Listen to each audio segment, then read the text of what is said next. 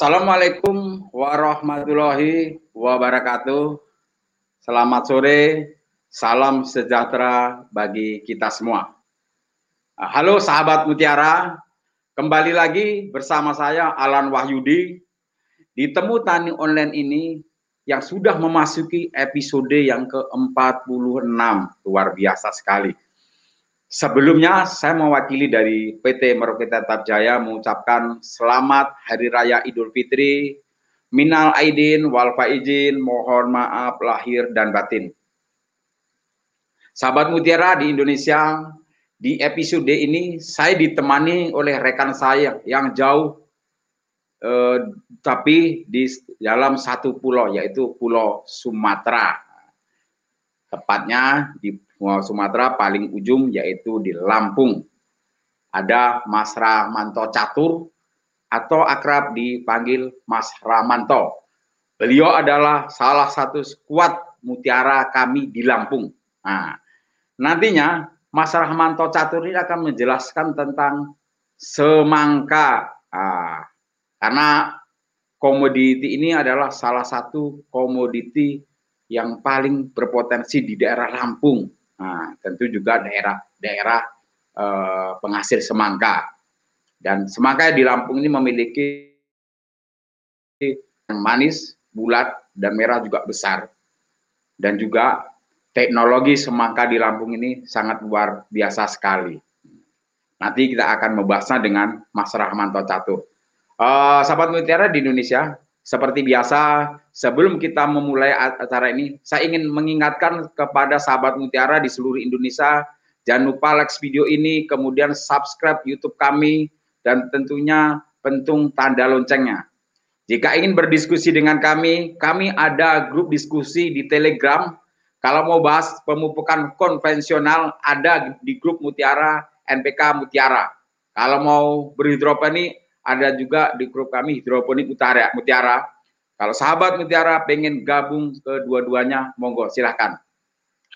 Oke, sahabat mutiara, sepertinya eh, Mas Rahmanto Catur atau Mas Rahmanto sudah stay di Lampung. Mari kita sapa beliau. Halo, assalamualaikum Mas Rahmanto. Waalaikumsalam, Pak Alan. Aduh, alhamdulillah, alamin. Gimana kabarnya Mas Rahmanto? Sehat, sehat, Pak Alan. Pak Alan gimana? Alhamdulillah.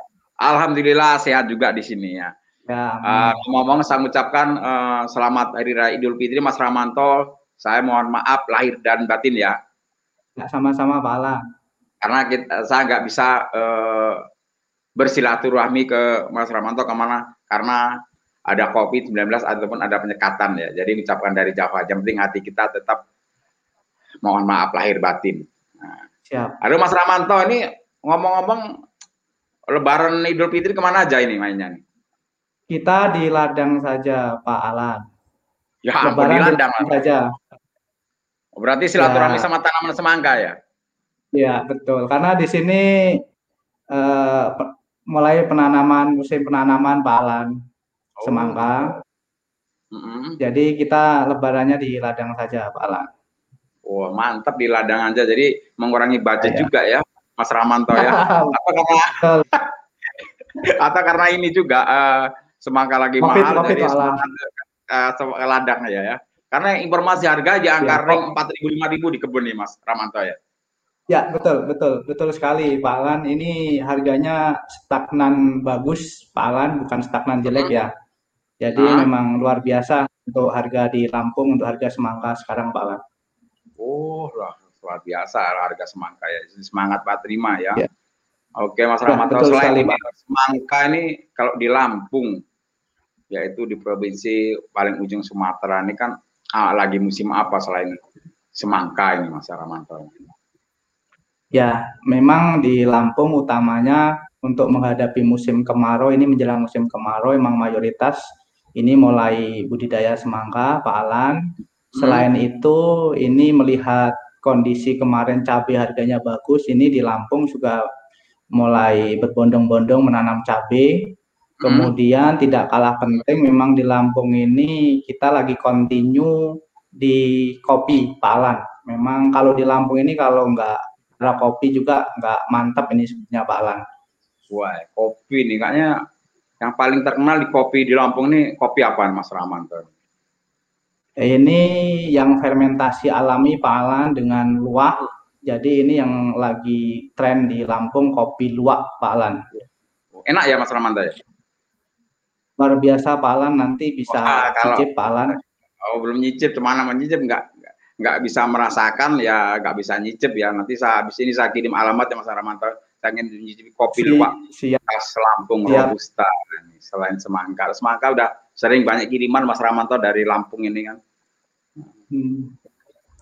Ya. Oke, okay, Mas Ramanto, jadi sahabat Mutiara di Indonesia, uh, di episode yang ke-46 kita akan membahas tanaman tentang semangka. Jadi ada dua sesi. Yang pertama adalah sesi uh, pemaparan presentasi yang nanti yang akan dijelaskan oleh Mas Ramanto, Mas Catur secara detail dan jelas. Kemudian sesi yang kedua adalah sesi tanya jawab. Jadi sahabat Mutiara pada waktu Mas Ramanto menjelaskan tentang uh, nanti jika ingin bertanya silahkan komen di Facebook kami ataupun di itu kami di NPK Mutiara TV pada waktu sesi tanya jawab nanti Mas Ramato akan menjelaskan secara detail-detailnya, secara sedetail-detailnya. Oke, Mas Ramanto, untuk menghemat waktu, uh, kita masuk ke sesi yang pertama tentang pemaparan tanaman semangka. Waktu dan tempat kami silakan, Mas Ramanto. Oke, terima kasih Pak Alan atas waktu yang diberikan. Sebelumnya saya pribadi sekaligus mewakili tim PT Merauke Tetap Jaya di Lampung mengucapkan minal aizin wal faizin, mohon maaf lahir dan batin untuk sahabat mutiara di seluruh Indonesia.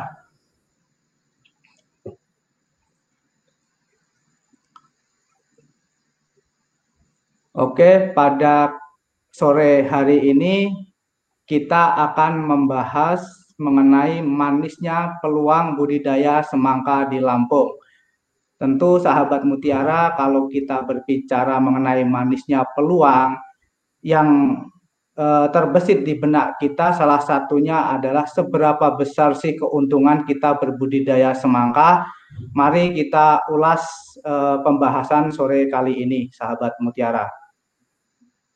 E, sebelumnya saya perkenalkan untuk geografis uh, wilayah Provinsi Lampung ini terletak di ujung selatan Pulau Sumatera. Ini sebelah barat ini berbatasan dengan Samudra Hindia, kemudian sebelah timur kita berbatasan dengan Laut Jawa, sebelah utara kita berbatasan dengan Sumatera Selatan, dan sebelah selatan kita berbatasan dengan Selat Sunda.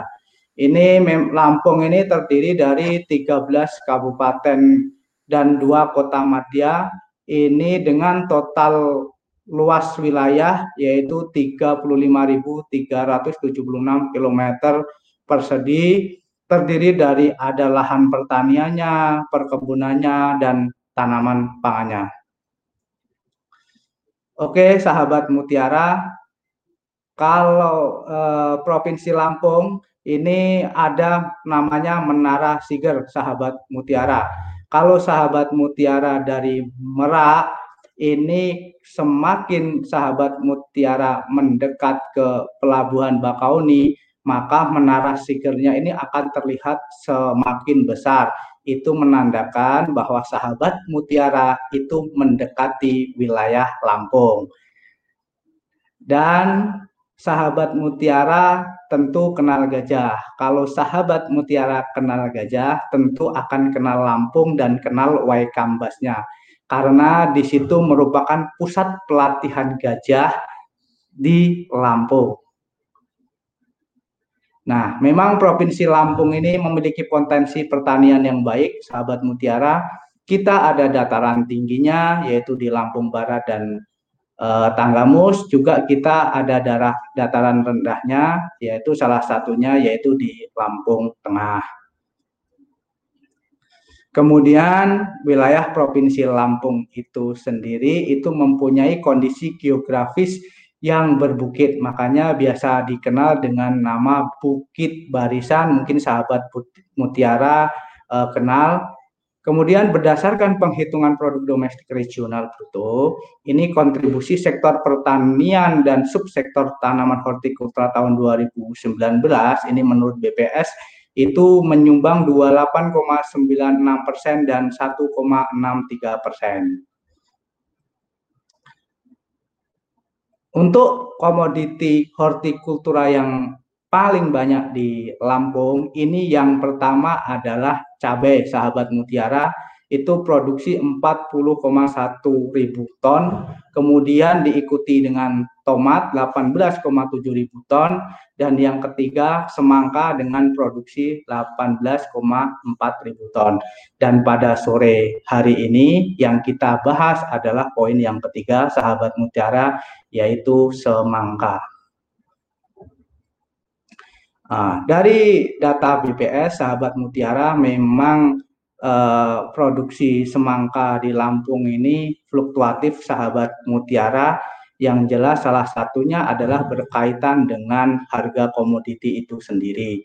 Tetapi di tahun menjelang tahun eh, di tahun 2000 menjelang 2021 ini memang harga semangka di Lampung ini berkisar eh, empat ribu ke atas sahabat mutiara. Nah, itu sangat menggiurkan sekali sahabat mutiara peluang di Lampung untuk dibudidayakan tanaman semangka.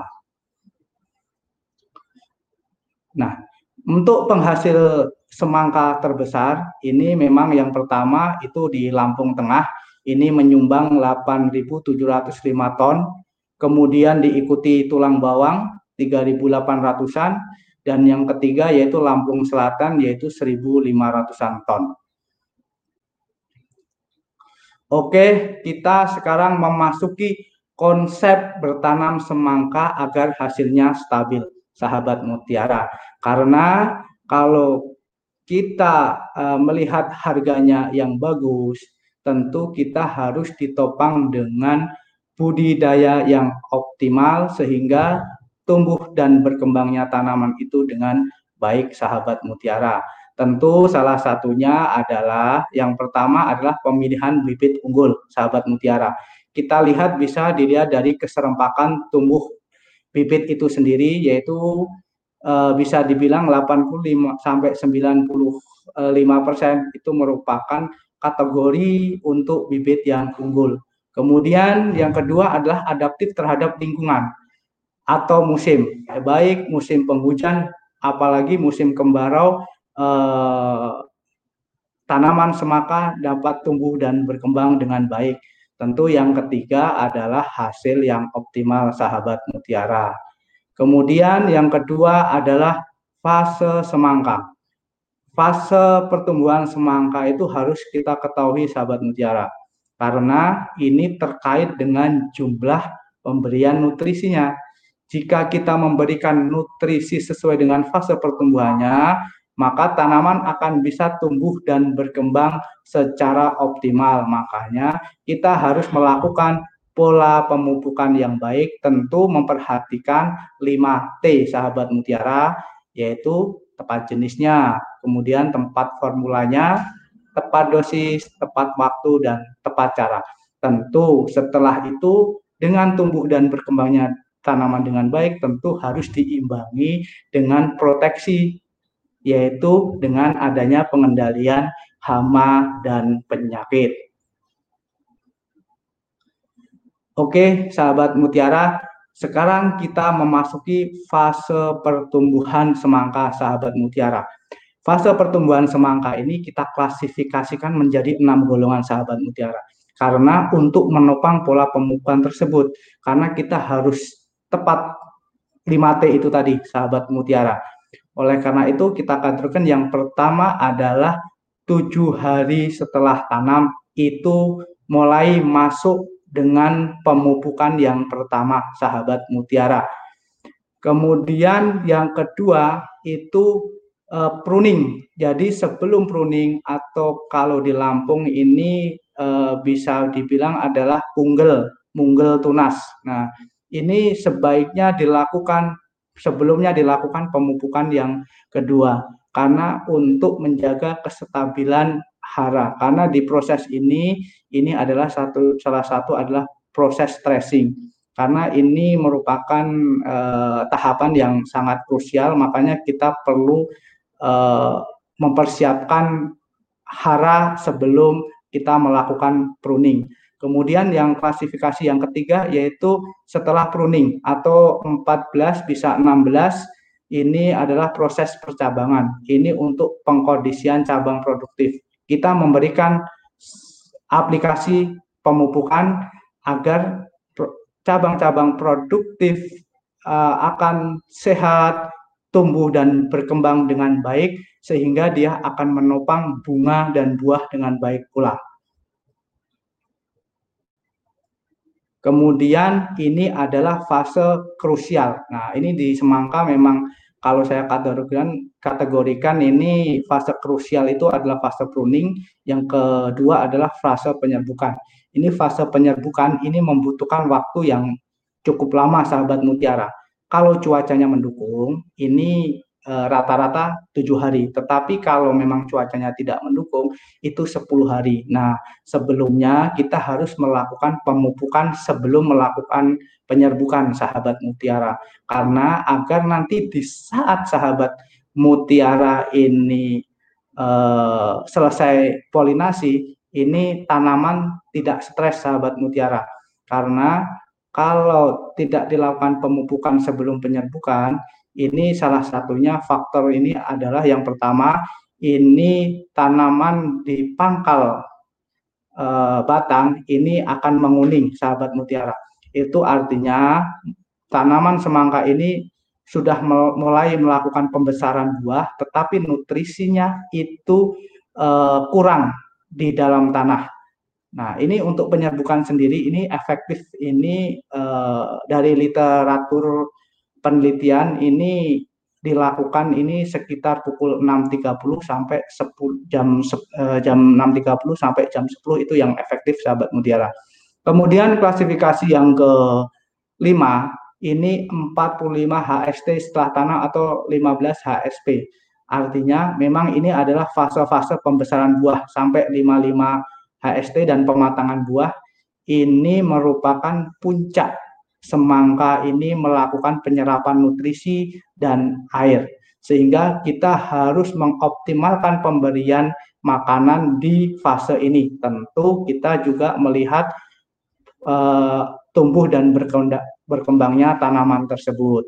Kalau kita memberikan uh, makanan dengan dosis yang tinggi tapi tidak diimbangi dengan tanah tanaman yang tidak baik, tentu itu akan berakibat fatal pada buah itu sendiri sahabat mutiara. Nanti tidak ada filterisasi dari daun, nanti yang ada pecah buah sahabat mutiara karena terlalu tinggi dosis yang kita berikan. Nah, ini saya ulas kembali, ini merupakan fase semangka yang saya bilang adalah krusial sahabat mutiara karena di sini adalah proses dari stressing kita melukai batang tanaman semangka untuk mengkondisikan tujuannya mengkondisikan cabang produktif. Ini di Lampung ini rata-rata ini cabang produktif yang dipelihara ini sekitar 3 sampai 4 cabang. Tentu di fase-fase ini uh, sahabat mutiara harus hati-hati karena ini akan mudah berubah tanaman semangka sahabat mutiara. Kalau berubah bagus alhamdulillah ya sahabat mutiara. Tapi biasanya rata-rata setelah melakukan punggel ini efeknya ini biasanya keriting, kemudian bercak, ini banyak sekali kendala. Makanya biasanya eh, proses melukai ini sahabat mutiara harus diimbangi dengan proteksi. Ya tentu yang pertama memang antibodi dari asupan nutrisi sebelum pruning Kemudian yang kedua kalinya memang sahabat mutiara harus uh, memberikan fungi di situ karena agar uh, uh, jamur atau virus ini tidak menginfeksi uh, luka dari hasil pruning tersebut.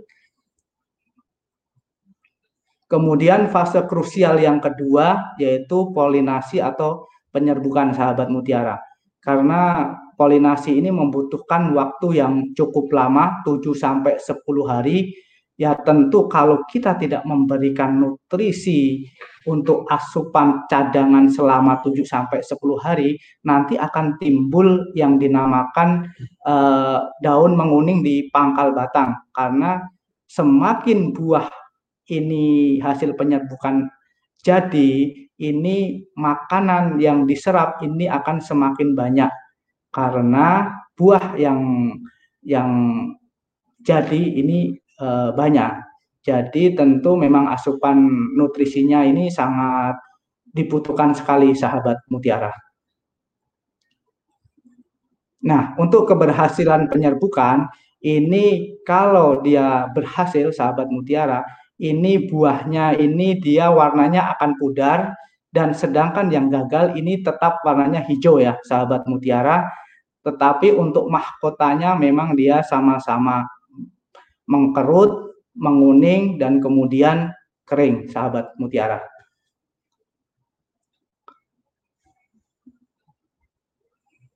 Nah, dari hasil ulasan 5T tersebut, dari hasil eh, kita pendampingan di lapangan, sahabat mutiara, ini adalah kesimpulan konsep yang selalu saya aplikasikan di lapangan di petani binaan saya, sahabat mutiara, tentu untuk dasaran yang pertama kita menggunakan SS Amopos, kemudian subur kali butir sahabat mutiara.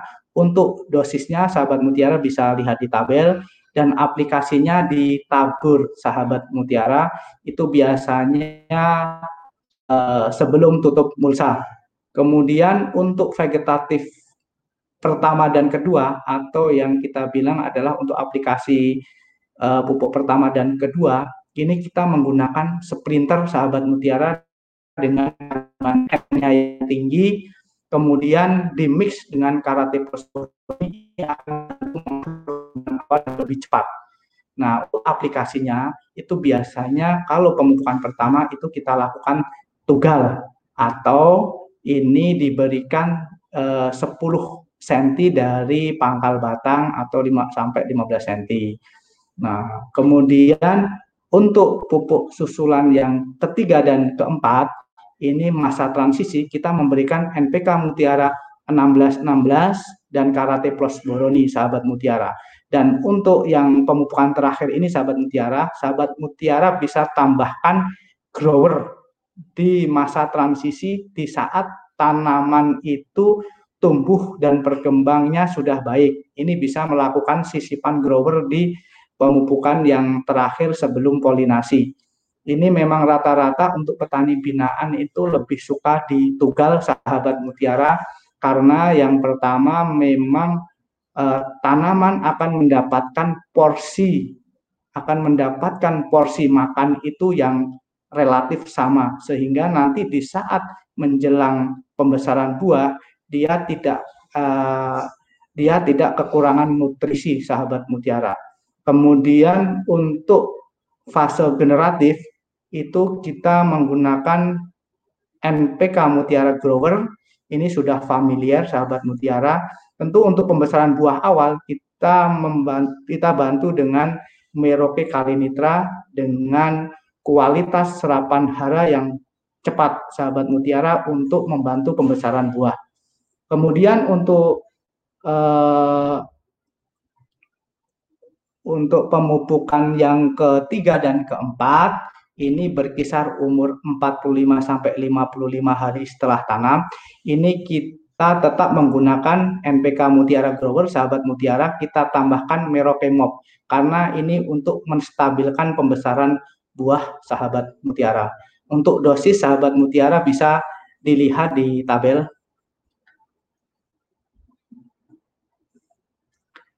Nah, dari hasil program pemupukan tersebut, uh, maka didapat untuk serapan harap per hektar ini N ini membutuhkan 126,25 kg per hektar, kemudian P-nya itu 101, kaliumnya 160,25 diikuti makro sekunder uh, lainnya.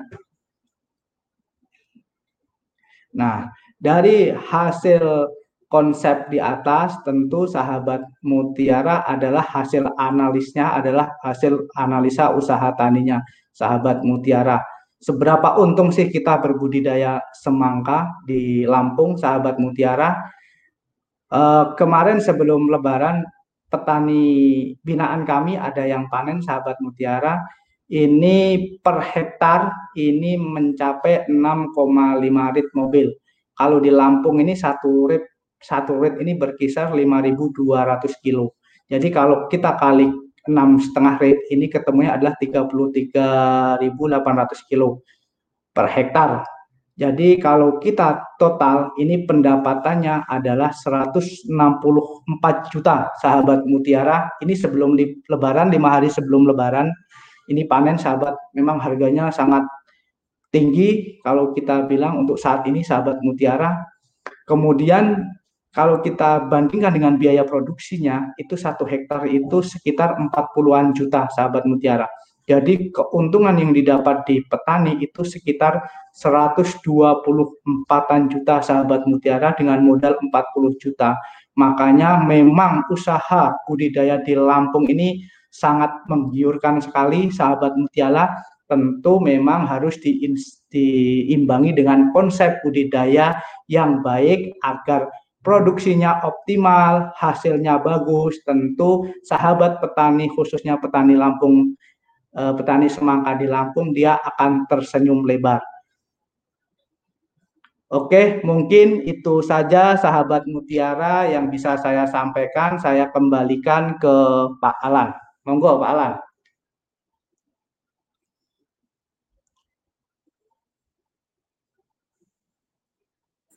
Oke, terima kasih Mas Ramanto Catur eh, yang sudah menjelaskan secara tegas, padat, dan juga jelas tadi tentang bagaimana sih konsep budidaya semangka yang benar supaya secara hasilnya, secara kuantitas dan kualitas itu maksimal.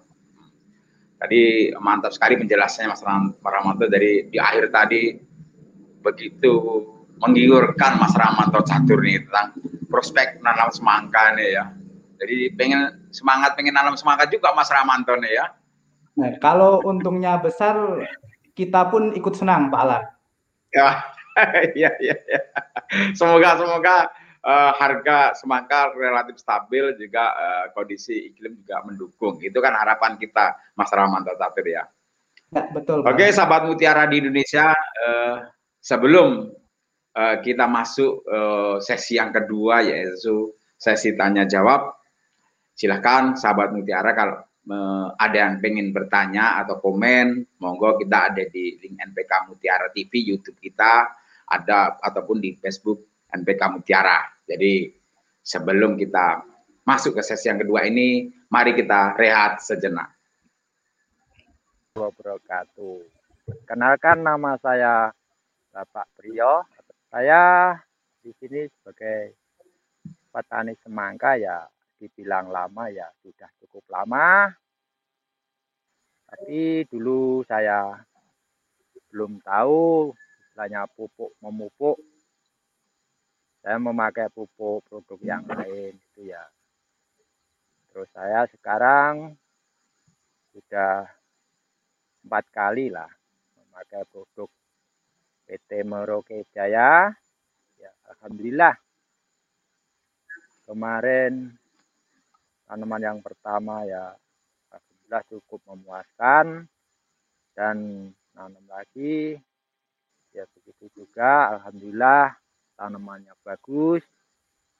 Saya waktu itu nanam cuma satu hektar. Alhamdulillah itu dapat 6 rit lebih harga alhamdulillah ya nggak terlalu tinggi cuma ya cuma 4.200 ya. Alhamdulillah lah. Dan sekarang ini ini tanaman yang ini itu saya memakai dasaran SS Amapos dan subur kali, butir, susulan pertumbuhan mutiara sprinter, dan mutiara 1616 dan karate boron plus. Pembuahan yaitu memakai yaitu mutiara grower dan kalimetra merauke mop. Itu yang saya pakai selama saya mengikuti eh, memakai produk Merauke Jaya. Terima kasih, Merauke tetap jaya. Untuk